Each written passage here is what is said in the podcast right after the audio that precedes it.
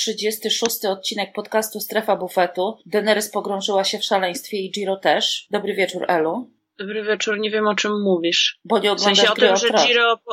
A, okej, bo że Giro pogrążyło się w szaleństwie, to e, chyba nawet osoba niezwiązana z kolarstwem dostrzegła, że Giro się pogrążyło w istnym szaleństwie.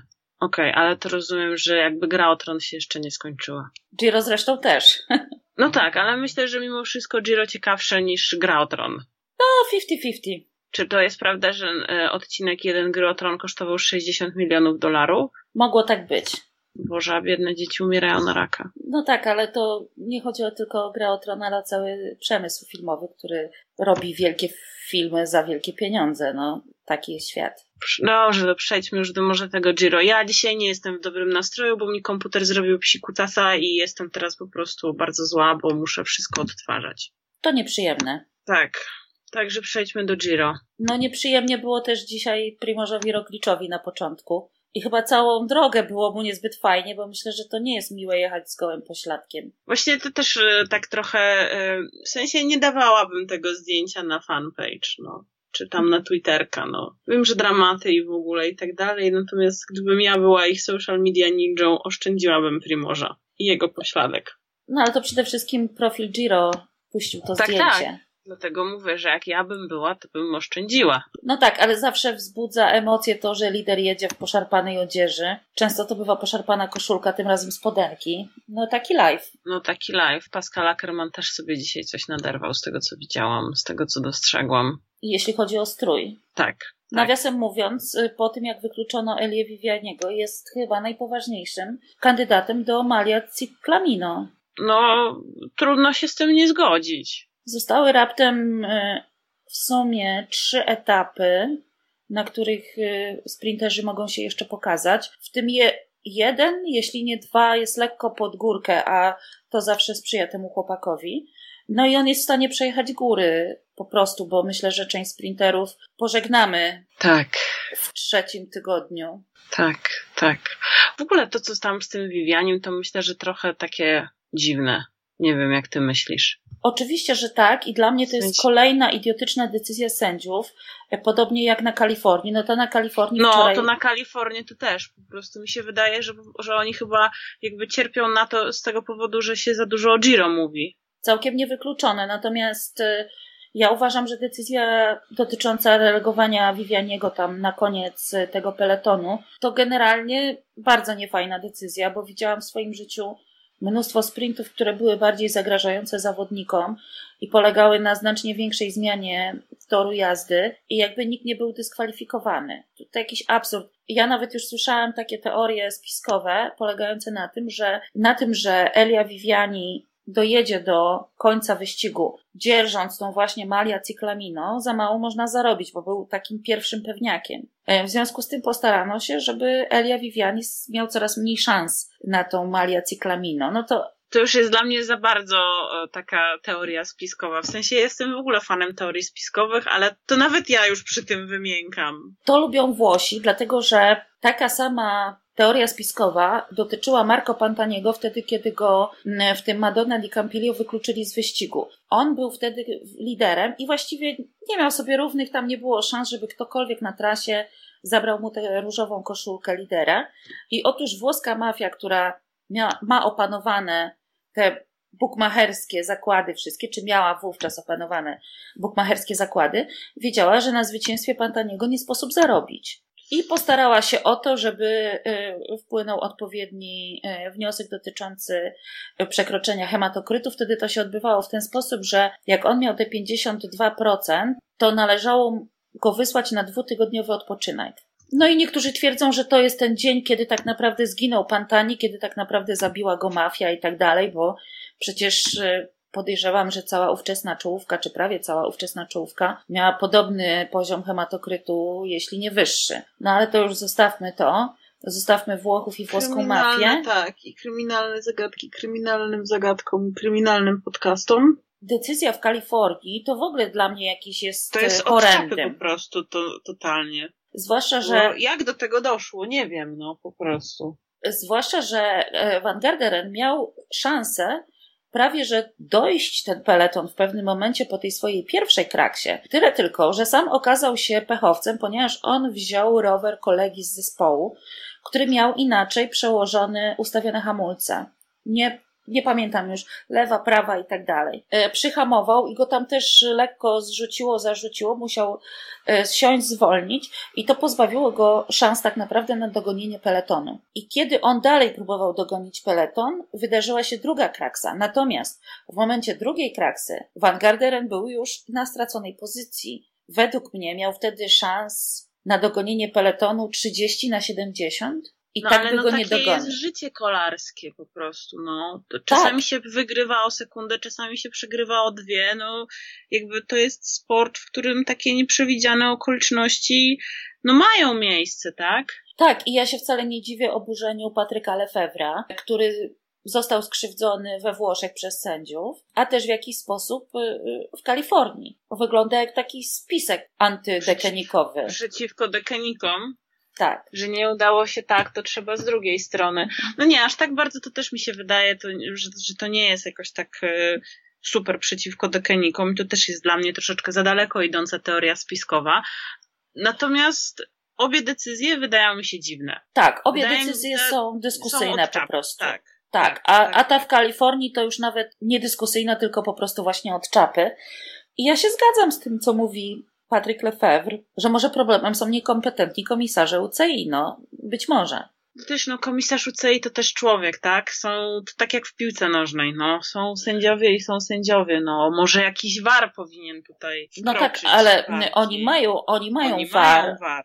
Ale może powinni mieć takiego po prostu, e, że tak powiem, warującego sędziego, no i może powinni się konsultować z kimś. W takiej budce też powinien być pan sędzia. No tak, ale oni decyzję podejmu, podejmowali już e, tak naprawdę, kiedy wyścig przejechał linię mety.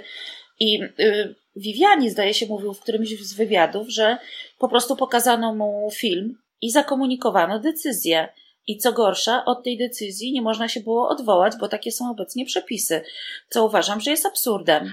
To też jest absurdalne. Też jest absurdalne, to prawda, zgadzam się z tym. No ale jakby UCI to jest, e, no, kolebka absurdów, tak? Tam absurd goni absurd, no więc też w sumie, czy nas to powinno dziwić? No, no nie, no. Mają swoje reguły i tak dalej.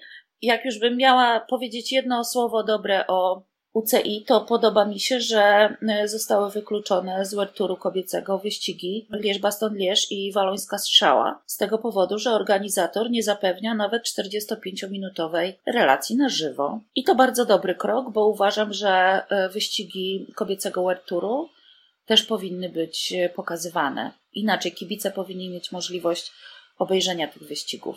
No dobrze, to przejdźmy już, wróćmy jeszcze do Giro, bo tam dramat goni dramat. Tu, Tak, codziennie jest jakaś in, szalony- inna tak, drama. Ale to jest naprawdę już taka drama, drama. Które słowa Cię bardziej szokowały? Simona Yatesa, czy te o rywalach swoich, które wypowiedział, czy słowa Mikela Landy? A co Yates powiedział o rywalach? Bo ja tego nie słyszałam, ponieważ ja żyję w trochę innej rzeczywistości przez ostatnie kilka dni.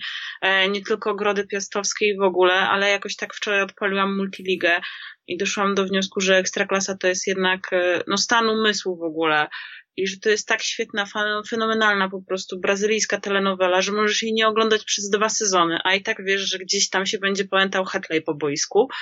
Więc e, nie wiem, co powiedział Simon Yates. Simon Yates jeszcze przed y, rozpoczęciem Giro d'Italia powiedział, że zapytany o to, jak powinni czuć się jego rywale, powiedział, że jego rywale powinni się ze strachu y, wiadomo co zrobić. Aha, że Na on co- tam przyjdzie, po prostu weźmie takich sympatycznych panów i oni ich ustawią. Nie, że on jest taki stać. mocny, nie, że on jest taki mocny, że... Wiem, żartuję sobie. Tak. Taki suchar, bo ostatnio było za mało. A, dobrze.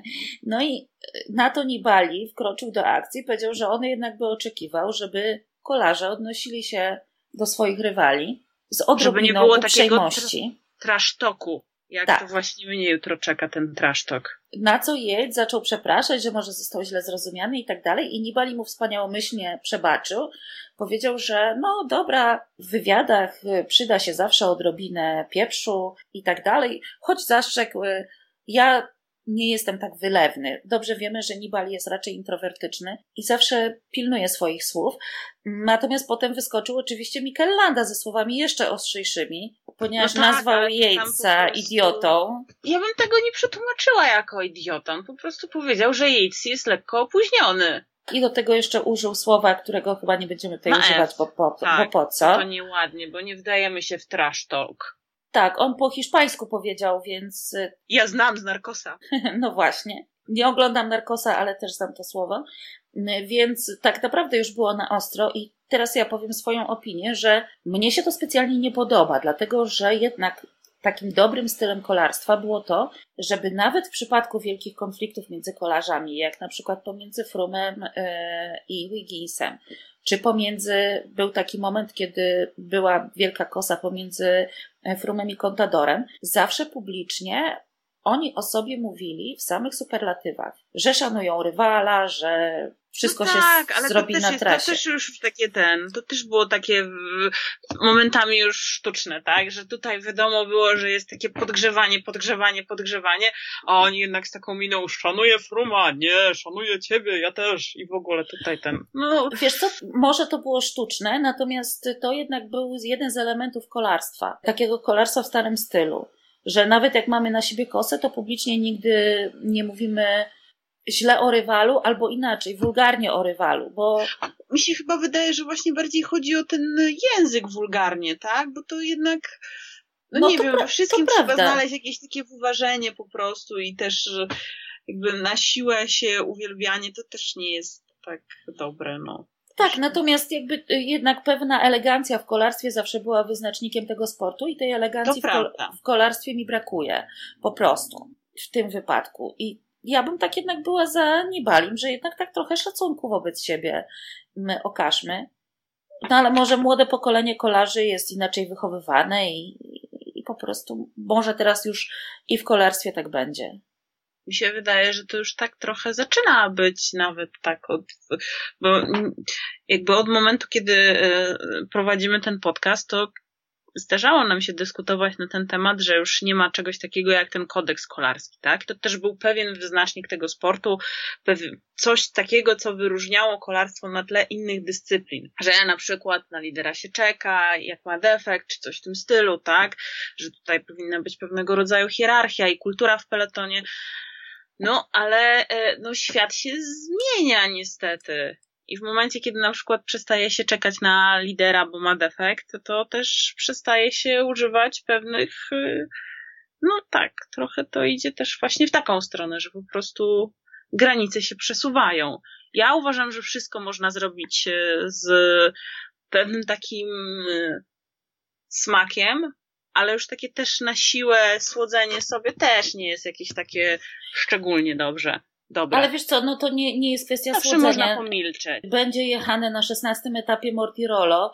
Jeden z moich ulubionych podjazdów to jest ten w 2015 roku, kiedy Aru właśnie przyspieszył na wieść o tym, że kontador ma defekt i najpiękniejsze w tym wszystkim było nie to, że nagrania. 15 minut. Kurde, i dopiero teraz Alberto? Przepraszam. Przepraszam. Najlepsze było to, że Alberto potem dogonił tego Aru, więc karma wróciła, a potem jeszcze na dodatek Aru miał moment słabości i Contador odjechał z Landą, czyli z pułkownikiem e, Aru. No i Aru wtedy mocno stracił. Więc tak karma wraca, karma wraca. Zwłaszcza ta na Giro jest taką naprawdę bardzo złą karmą. Bardzo mocną karmą. Bardzo mocną karmą, tak. To naprawdę tam musiał ktoś te gusła nieźle porzucać. Czy uważasz, że mm, ta zła karma Sky czy Ineos y, wynika z tego, że Wiggins na jednym z pierwszych y, Giro, chyba to było jego pierwsze Giro, rzucał rowerem, a rowerem jak wiadomo nie wolno rzucać, bo karma wraca. No ale z kolei wydawało nam się, że w pewien sposób tę karmę jednak odwrócił Frum, wygrywając to Giro w ubiegłym roku, tak? Po dyskusyjnej, e, sensacyjnej, kontrowersyjnej, e, niesamowitej również jeździe na e, 19 etapie? Dobrze pamiętam chyba. 19 albo 20. O. Natomiast może rzeczywiście to z tego wynika, bo ona nie odpuszcza ewidentnie, niezależnie czy Sky, czy Ineos, niezależnie czy Thomas, czy, e, czy Siwakow, no karma ciśnie. Tak, karma ciśnie, bo, a nawet się rozlewa na innych, bo to zdaje się Salvador Puccio doprowadzi tak. do tego, że nie mamy już Toma Dimulena w, tak, tak, tak, w peletonie. To prawda. to prawda. Natomiast tak a propos Fruma, to jeszcze powiem tak dwuznacznie złośliwie, może użył magii. A, wiedziałam. To tak odnośnie tej kultury w kolarstwie i trasztoku. Nie, to odnośnie gry o tron. Mhm. Aha, okej. Okay. No ja nie, nie, jestem chyba jednym z niewielu, z niewielu osób, jestem chyba jedną z niewielu osób na świecie, która nie obejrzała ani jednego odcinka Gry o Tron. Wszystko przed tobą.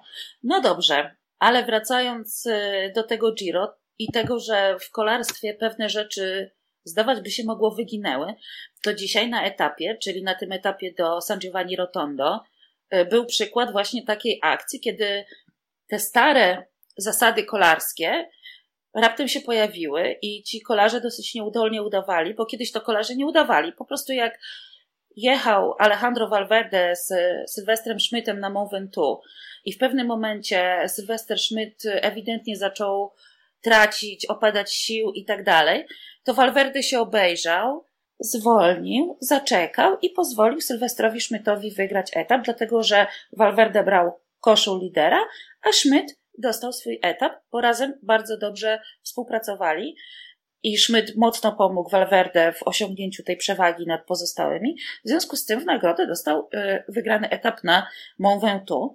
Ale Dzisiaj nie, sytuacja wiesz... była bardzo podobna. Conti i Masnada, kiedy Conti wziął koszul lidera, a Masnada miał wygrać etap, no to naprawdę to, jak oni udawali, że ścigają w końcówce, było zabawne, ale ja rozumiem, że w dzisiejszym kolarstwie nie można tego zrobić tak. Bardzo od, oczywiście. W tak, w tak bardzo oczywisty sposób, jak wtedy sposób. zrobił to Valverde, no na tym momentu chociażby. Takich etapów zresztą kiedyś było, e, było bardzo wiele. Nie dalej jak w 2011 roku na Giro d'Italia, to jeden z w ogóle z najpiękniejszych etapów Giro, jaki mi zapadły w pamięć, bo to była taka właśnie takie braterstwo i taka przyjaźń, jak Contador y, podciągnął Tiralongo puścił go przed siebie i pozwolił mu wygrać etap. Sam był liderem e, wyścigu wówczas, a chodziło o to, że Tiralongo wtedy uciekał prawie cały etap i w samej końcówce groziło mu to, że po prostu go dogonią i że etap wygra ktoś inny. I Contador się zerwał, dojechał do tego Tiralongo przed metą, jakiś może kilometr, kazał mu jechać za sobą, czyli krótko mówiąc, e, lider wyścigu robił za Gregario. Dla kolarza, który był wówczas w innej ekipie, bo Tiralongo był wówczas w Astanie, a Contador był wtedy w Saxo. No i pozwolił mu wygrać, a to dlatego, że Tiralongo przez wiele lat był jego pierwszym pomocnikiem w Astanie. Po prostu się odwdzięczył za te lata ciężkiej pracy. Pytanie, jak na to by dzisiaj zareagowali też dyrektorzy sportowi, bo no więc właśnie, no więc właśnie, to jest pytanie, to, jest, to pokazuje, jak to kolarstwo się zmienia. To raptem minęło 8 lat od tamtego momentu, prawda? I no ale był, jednak tak, dzisiaj to się, no tak, tak, tak. Był też taki moment y, na Vuelcie w 2012 roku, kiedy Contador robił ten swój wielki atak e, na Fuente D i wtedy jednym z kolarzy, którzy mu bardzo pomogli, był Tiralongo, który dalej był w Astanie, a Contador był wtedy y, również y, w Tinkoff, Saxo, Saxo Tinkoff. Nie pamiętam jaki tam był wtedy układ, ale to był chyba jeszcze Saxo Tinkoff wówczas. No i też pewnie Alberto byłby zobowiązany do przepuszczenia Tiralongo przed metą, gdyby nie to, że po prostu Tiralongo jechał z nim do pewnego momentu, potem Alberto przyspieszył i, i Tiralongo już nie dał rady z nim jechać. Natomiast wówczas też pomógł. I takie rzeczy się dzisiaj nie zdarzają, a nawet wprost przeciwnie, nie wiem czy pamiętasz tą sytuację na Giro, że Simon Clark bodajże oddał koło Richiemu Portę i został za to ukarany. Tak. Tak, ponieważ tak, pochodzili tak. z różnych drużyn. Z różnych drużyn, no.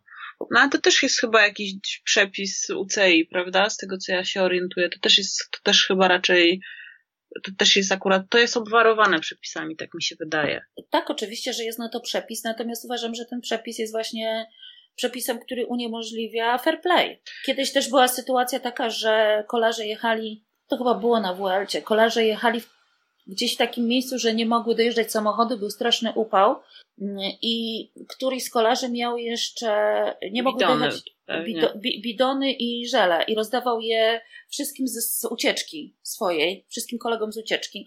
I też była kwestia, nie wiem, czy to nie był Filip Gilbert w ogóle wówczas, tym rozdającym.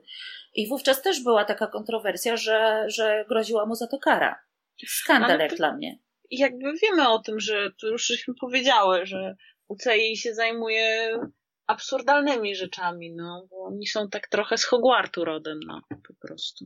Y, tak, długością skarpetek, ale z Hogwartu za czasów Dolores Umbridge. Tak, tak, dokładnie tak. Absolutnie tak. To są właśnie ludzie z UCI. No i nie ma dyskusji, no z nimi się po prostu nie dyskutuje. Jest przepis, to trzeba go zastosować, po prostu. No niestety, a że przepisy są głupie, to, to, to są głupie. No dobrze, ale wróćmy, wróćmy do ścigania. Jak Ci się podoba klasyfikacja generalna po tym szóstym etapie? Boska, moim zdaniem. Roglic 11, Yates 13, Nibali 14, 15 Lopez, 16 Ulis i 17 Majka. Dobrze, no będzie się działo, no przynajmniej. Tak, będzie się działo, natomiast. To, y, to akurat mi się wydaje, że jest y, dla wyścigu tylko lepiej, no.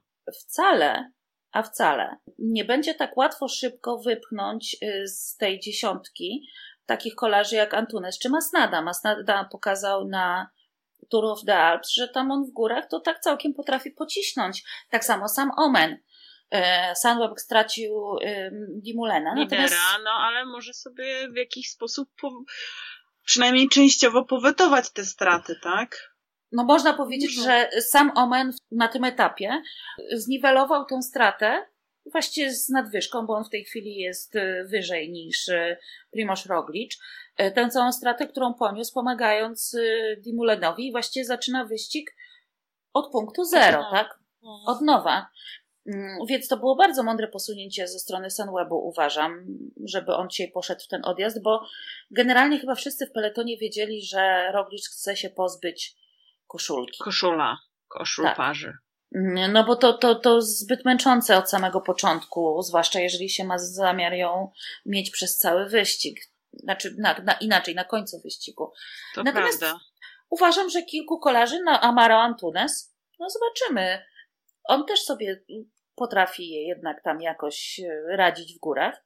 Być może też ten dzisiejszy etap, wbrew pozorom, nawet jeśli nie wpłynie oczywiście na to, kto wygra Giro, czy nie wpłynie na pierwszą piątkę, to już na dziesiątkę, czy na dwudziestkę, a i owszem. Może. No ale przede wszystkim będzie ciekawiej, tak? Na pewno to zmusi ekipy do pewnego rodzaju przemyślenia swoich taktyk, tak? Wprowadzenia kilku zmian i może właśnie takiej bardziej agresywnej jazdy. Moim zdaniem tylko na plus.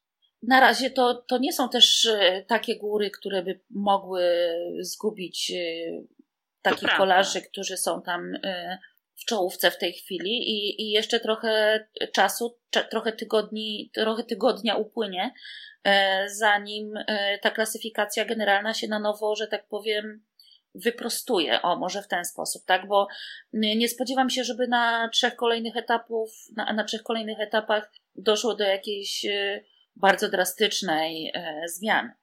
To mi się wydaje, że tu chyba ta, na powrót y, to się może ustawi klasyfikacja, nawet może nie do końca, po czasówce, a tak naprawdę Właśnie... chyba na tym etapie 12 do Pinerolo. Chociaż też, czy ja wiem, czy to jeszcze nie ja, za mało? Jestem bardzo ciekawa, właśnie też dobrze, że wspomniałaś, jestem bardzo ciekawa tej czasówki teraz, tej kolejnej, tak? Bardzo, po, po tym, co zobaczyłam po tej klasyfikacji generalnej, co zobaczyłam, to będzie fajne. Z całą pewnością. Natomiast no to tak, tak wydaje mi się, że etap 13 to jest taki pierwszy, który nam tak trochę doprowadzi do tego, że jednak ta klasyfikacja zacznie przypominać w końcu tę, powiedziałabym, bardziej końcową, no 13, 14. No zobaczymy. Kurczę. Ale tak Jestem patrzę, bardzo ciekawa. Patrzę i Ineosy dopiero 28. No tak, ale Majka jest 17. No tak. Ja to tam zawsze też patrzę na Team Sky. Były ciekawe. No tak, ale nie spodziewaliśmy się, znaczy pewnie ten chłopak y, gdzieś tam w górach się może pokazać, nie, no może etap wygra. Ale ja się... jasne, tak, tylko po prostu tak y, no, tak sobie, tak sobie rzekłam po prostu w przestrzeń trochę. Nie, nie, nie spodziewałam się tego, żeby, żeby on mógł być partycypantem, że tak powiem, w klasyfikacji generalnej. No i tak się, tak się zresztą stało. No ciekawie. A jak już jesteśmy przy kontrowersjach, to co myślisz o Jakubie Mareczko? Czytałam dzisiaj bardzo dobry tekst na rowerach Ork o Kubie. Pisał Paweł Gadzała chyba, tak? Tak, tak, tak, tak. No bo tam w tej chwili to, to jakby są dwie kontrowersje z nim związane. Jedna to to, że był widziany w McDonald'sie przed pierwszą czasówką e, w Bolonii, a druga rzecz to taka, że wczoraj Czerny zachęcał Widziałam, go do tak, finiszowania, tak, tak, widziałam natomiast on finiszować jakby nie chciał. Dobra, ja powiem w ten sposób, wczoraj były kpiny na Twitterze, wczoraj, czyli w środę były kpiny na Twitterze z Mareczki, natomiast no sorry, ale on jechał na kolej Vivianiego i przyjechał trzy pozycje za nim, na miejscu tam, nie wiem, 17, w każdym razie w drugiej dziesiątce, pod koniec drugiej dziesiątki. No Viv- Viviani też tam nie chciał finiszować. Z jakiegoś powodu. Albo się bał tej mokrej nawierzchni, albo był tak ujechany, że, że nie dał rady już rywalizować e, w końcówce. Więc to też trzeba zrozumieć. Znaczy, to, że ktoś ma jeden nieudany finisz na wielkich kałużach, po których skaczą kaczki, nie oznacza, że trzeba go skreślić. Właśnie, dobrze, że przypomniałaś o tej kaczce. Do kaczki na pewno wrócimy. Natomiast ja tutaj odpowiem jako tak, jako typowy PR-owiec akurat w tym przypadku. No, wydaje mi się, że to jest bardzo ważne Giro dla Kuby, tak? Bo dwóch poprzednich nie ukończył, a hurtowo wygrywał etapy w, w Chinach i jest to takie Giro jego na, prze- powinno, tak mi się wydaje, być też jego jakiś tam Giro na to, żeby, żeby może się w jakiś sposób przełamać. Na pewno też chciałby przytulić jakiś etap, tak? Był już blisko. No ale cóż, no. On nie pierwszy raz był blisko e, przytulenia etapu na Giro, bo zdaje się, że w zeszłym roku w Jerozolimie był Tak, drugi w Jerozolimie był, tak, tak, tak. I ja właśnie o tym, o tym myślałam, że o tym, tak, o, to miałam w pamięci mówiąc, że był blisko, tak? Drugi właśnie w Jerozolimie.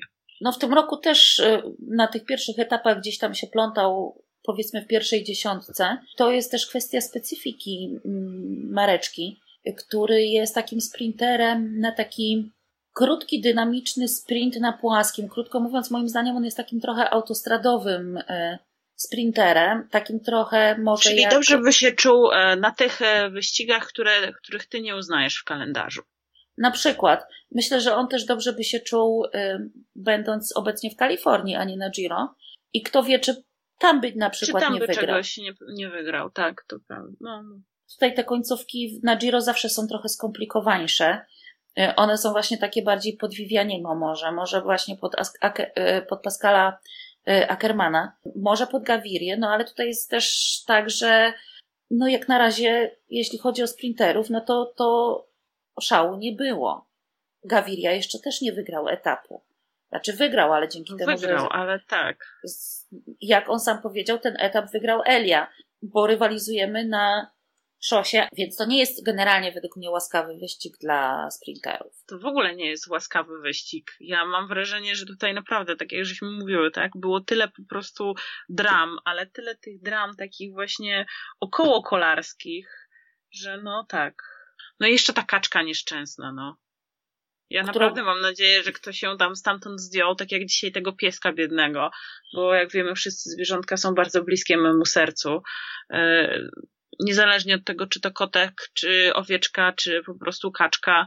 Ja jednak mam nadzieję, że, to, że ta kaczka nie trafiła na stół dekeników. Tak, jeżeli to prawda, to, to może to jest ta karma, która ich ostatnio dotyka za zjedzenie No tej kaczuszki biednej. Za zjedzenie tej kaczuszki. To zobacz, jak szybko wróciła. Tak, kilka godzin potrzebowała. Tak. No dobrze, a na poważnie to tego pieska y, na tym szóstym etapie to widziałam, że marszale chyba się zatrzymali motocyklem i go tam zabrali i przełożyli przez te barierki. To dobrze. Także pieskowi chyba się nic nie stało. Tak, takie odniosłam wrażenie. To dobrze. Co do losów kaczki, nikt nie jest pewien. I Adam Probosz najgorsze jest to, że on nie chce tego sprawdzić. To nie jest żadna prowokacja. To jest po prostu, no, troska o zwierzę. Ja liczyłam na La Gazzetta dello Sport, ale oni chyba dalej siedzą w tym McDonald'sie, w którym spotkali Mareczkę na pierwszym etapie. A czy Bo jakoś są cisza o tego? kaczce. A czy tam było jakieś zdjęcie? Nie kojarzę. Pojawiła się chyba tylko informacja pisana, że, że był widziany. I ja żartowałam, że może kole brał. Wiadomo, że Live wszyscy... oczywiście, zero. Nie, no taką z cukrem. Kolarze muszą jeść dużo cukru. Przecież peletonie piją tylko czerwoną. No u nas się nie pije coli. No bo to jest taki, to jest taki e, stary styl. Pamiętam, jak jeszcze CCC z Prandi Polkowice jeździło w drugiej dywizji i bywało gościem na wyścigach werturowych, to częstowano nas kolą. W trzeciej dywizji nie pijemy coli. Okay. Po etapie specjalne mamy taki, taki preparat po wyścigu. On też jest słodki, ale jest taki, no jest taka, jak taki wiśniowy i kleisty. No tak, ale ja widzę, że wielu kolarzy dalej ma kole, yy, dostają te puszki, te takie małe puszeczki. To niech dostają, marginal gains. Ja tam innym nie będę zabraniać kolarzom picia coli. Ja tylko mówię, jak jest u nas. Więc może Mareczko pił kole, no. E, ale czy, czy, teraz tak jak e, żeśmy tam próbowały Adama Probosza e, pod, podpuścić pod tę kaczkę, to ja mam teraz też to w jakiś sposób sprawdzić, zweryfikować? Bo myślę, że to będzie trudne. Nie, nie, nie, nie, no. Nie wymagam, żebyś była dziennikarzem śledczym. Ja to zawsze mówię pick or it didn't happen. Jakby ta gazeta pokazała jakieś zdjęcie, bo ja nie wiem, czy tam było zdjęcie. Ty też nie pamiętasz. Wydaje mi się, że nie. No dobrze, zostawmy te kole, wróćmy jeszcze do tego pecha. Co ciekawe, dzisiaj, czyli w czwartek, pech ominął Rafała Majkę.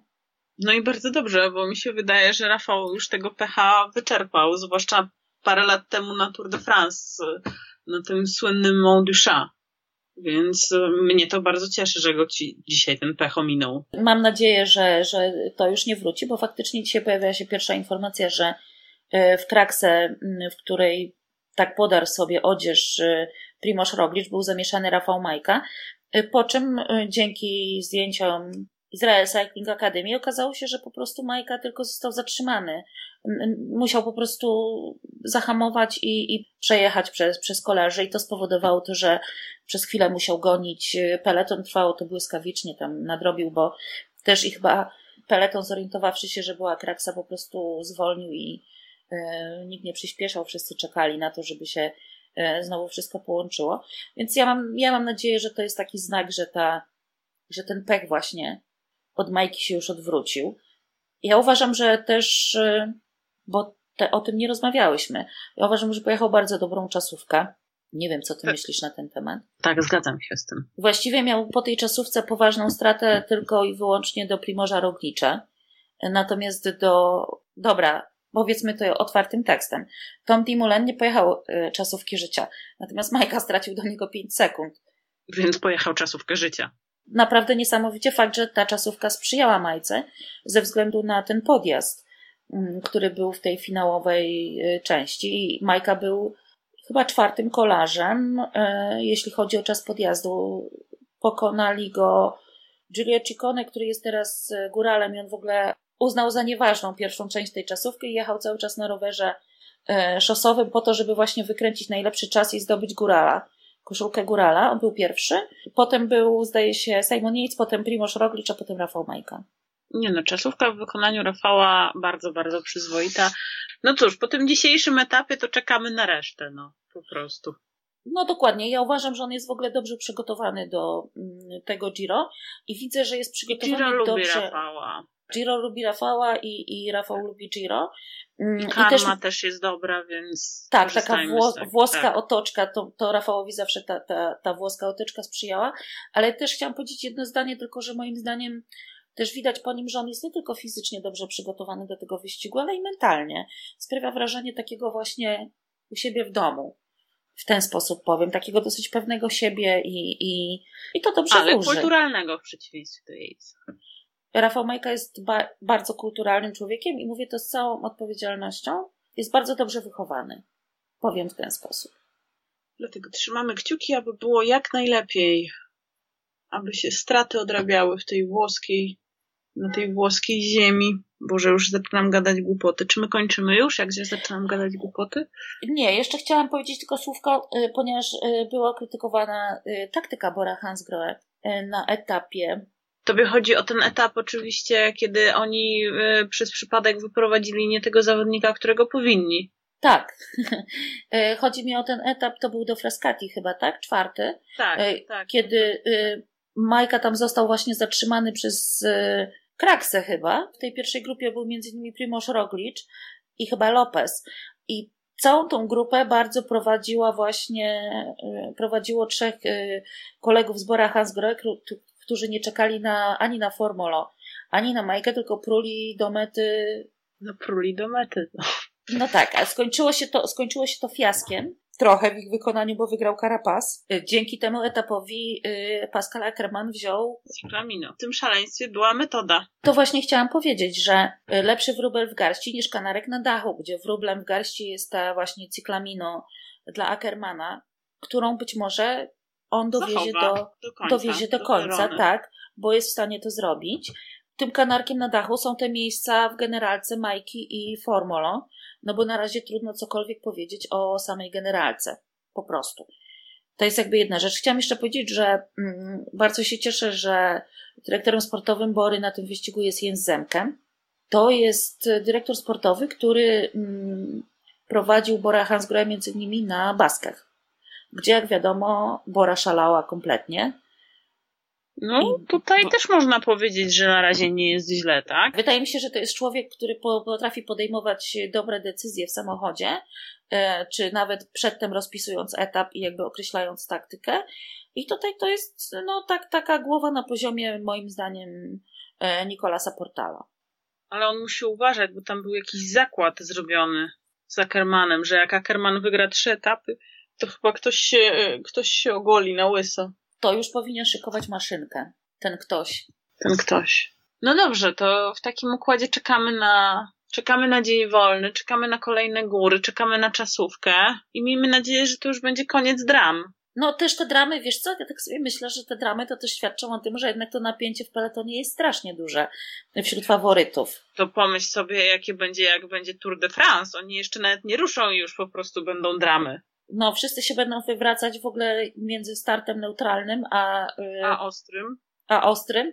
I już wtedy będą pierwsze y, DNF-y. Obyś No, miała racji. tak nam się miło rozmawia, y, pominęłyśmy w sumie ten wątek dopingowy. To będziemy sobie psuć dzisiaj nastroje tym wątkiem? Nie, nie będziemy sobie psuć tych nastrojów, moim zdaniem. Ja powiem tylko, że mnie intryguje to, że jednak jest to pewien krąg kulturowy zamieszany, czy krąg mm, pewnych osób umieszczonych w pewnych teamach ym, jest zamieszany w tę, w tę aferę. I brzmi to bardzo rozwojowo, i nie wiem, czy nie jesteśmy świadkami e, powtórki z rozrywki, czyli Operación Puerto. To tylko tyle powiem. Czekam na rozwój wydarzeń. No dobrze. To do usłyszenia. I pamiętajcie, lajkujcie nas. Nawet jeśli ja czasami walnę jakąś głupotę, to możecie zawsze zostawić serduszko, czy jakiegoś tam lajka, czy jakiegoś suba na Spotify, SoundCloud i iTunes. Tym optymistycznym akcentem kończymy i do przyszłego tygodnia. Do przyszłego tygodnia.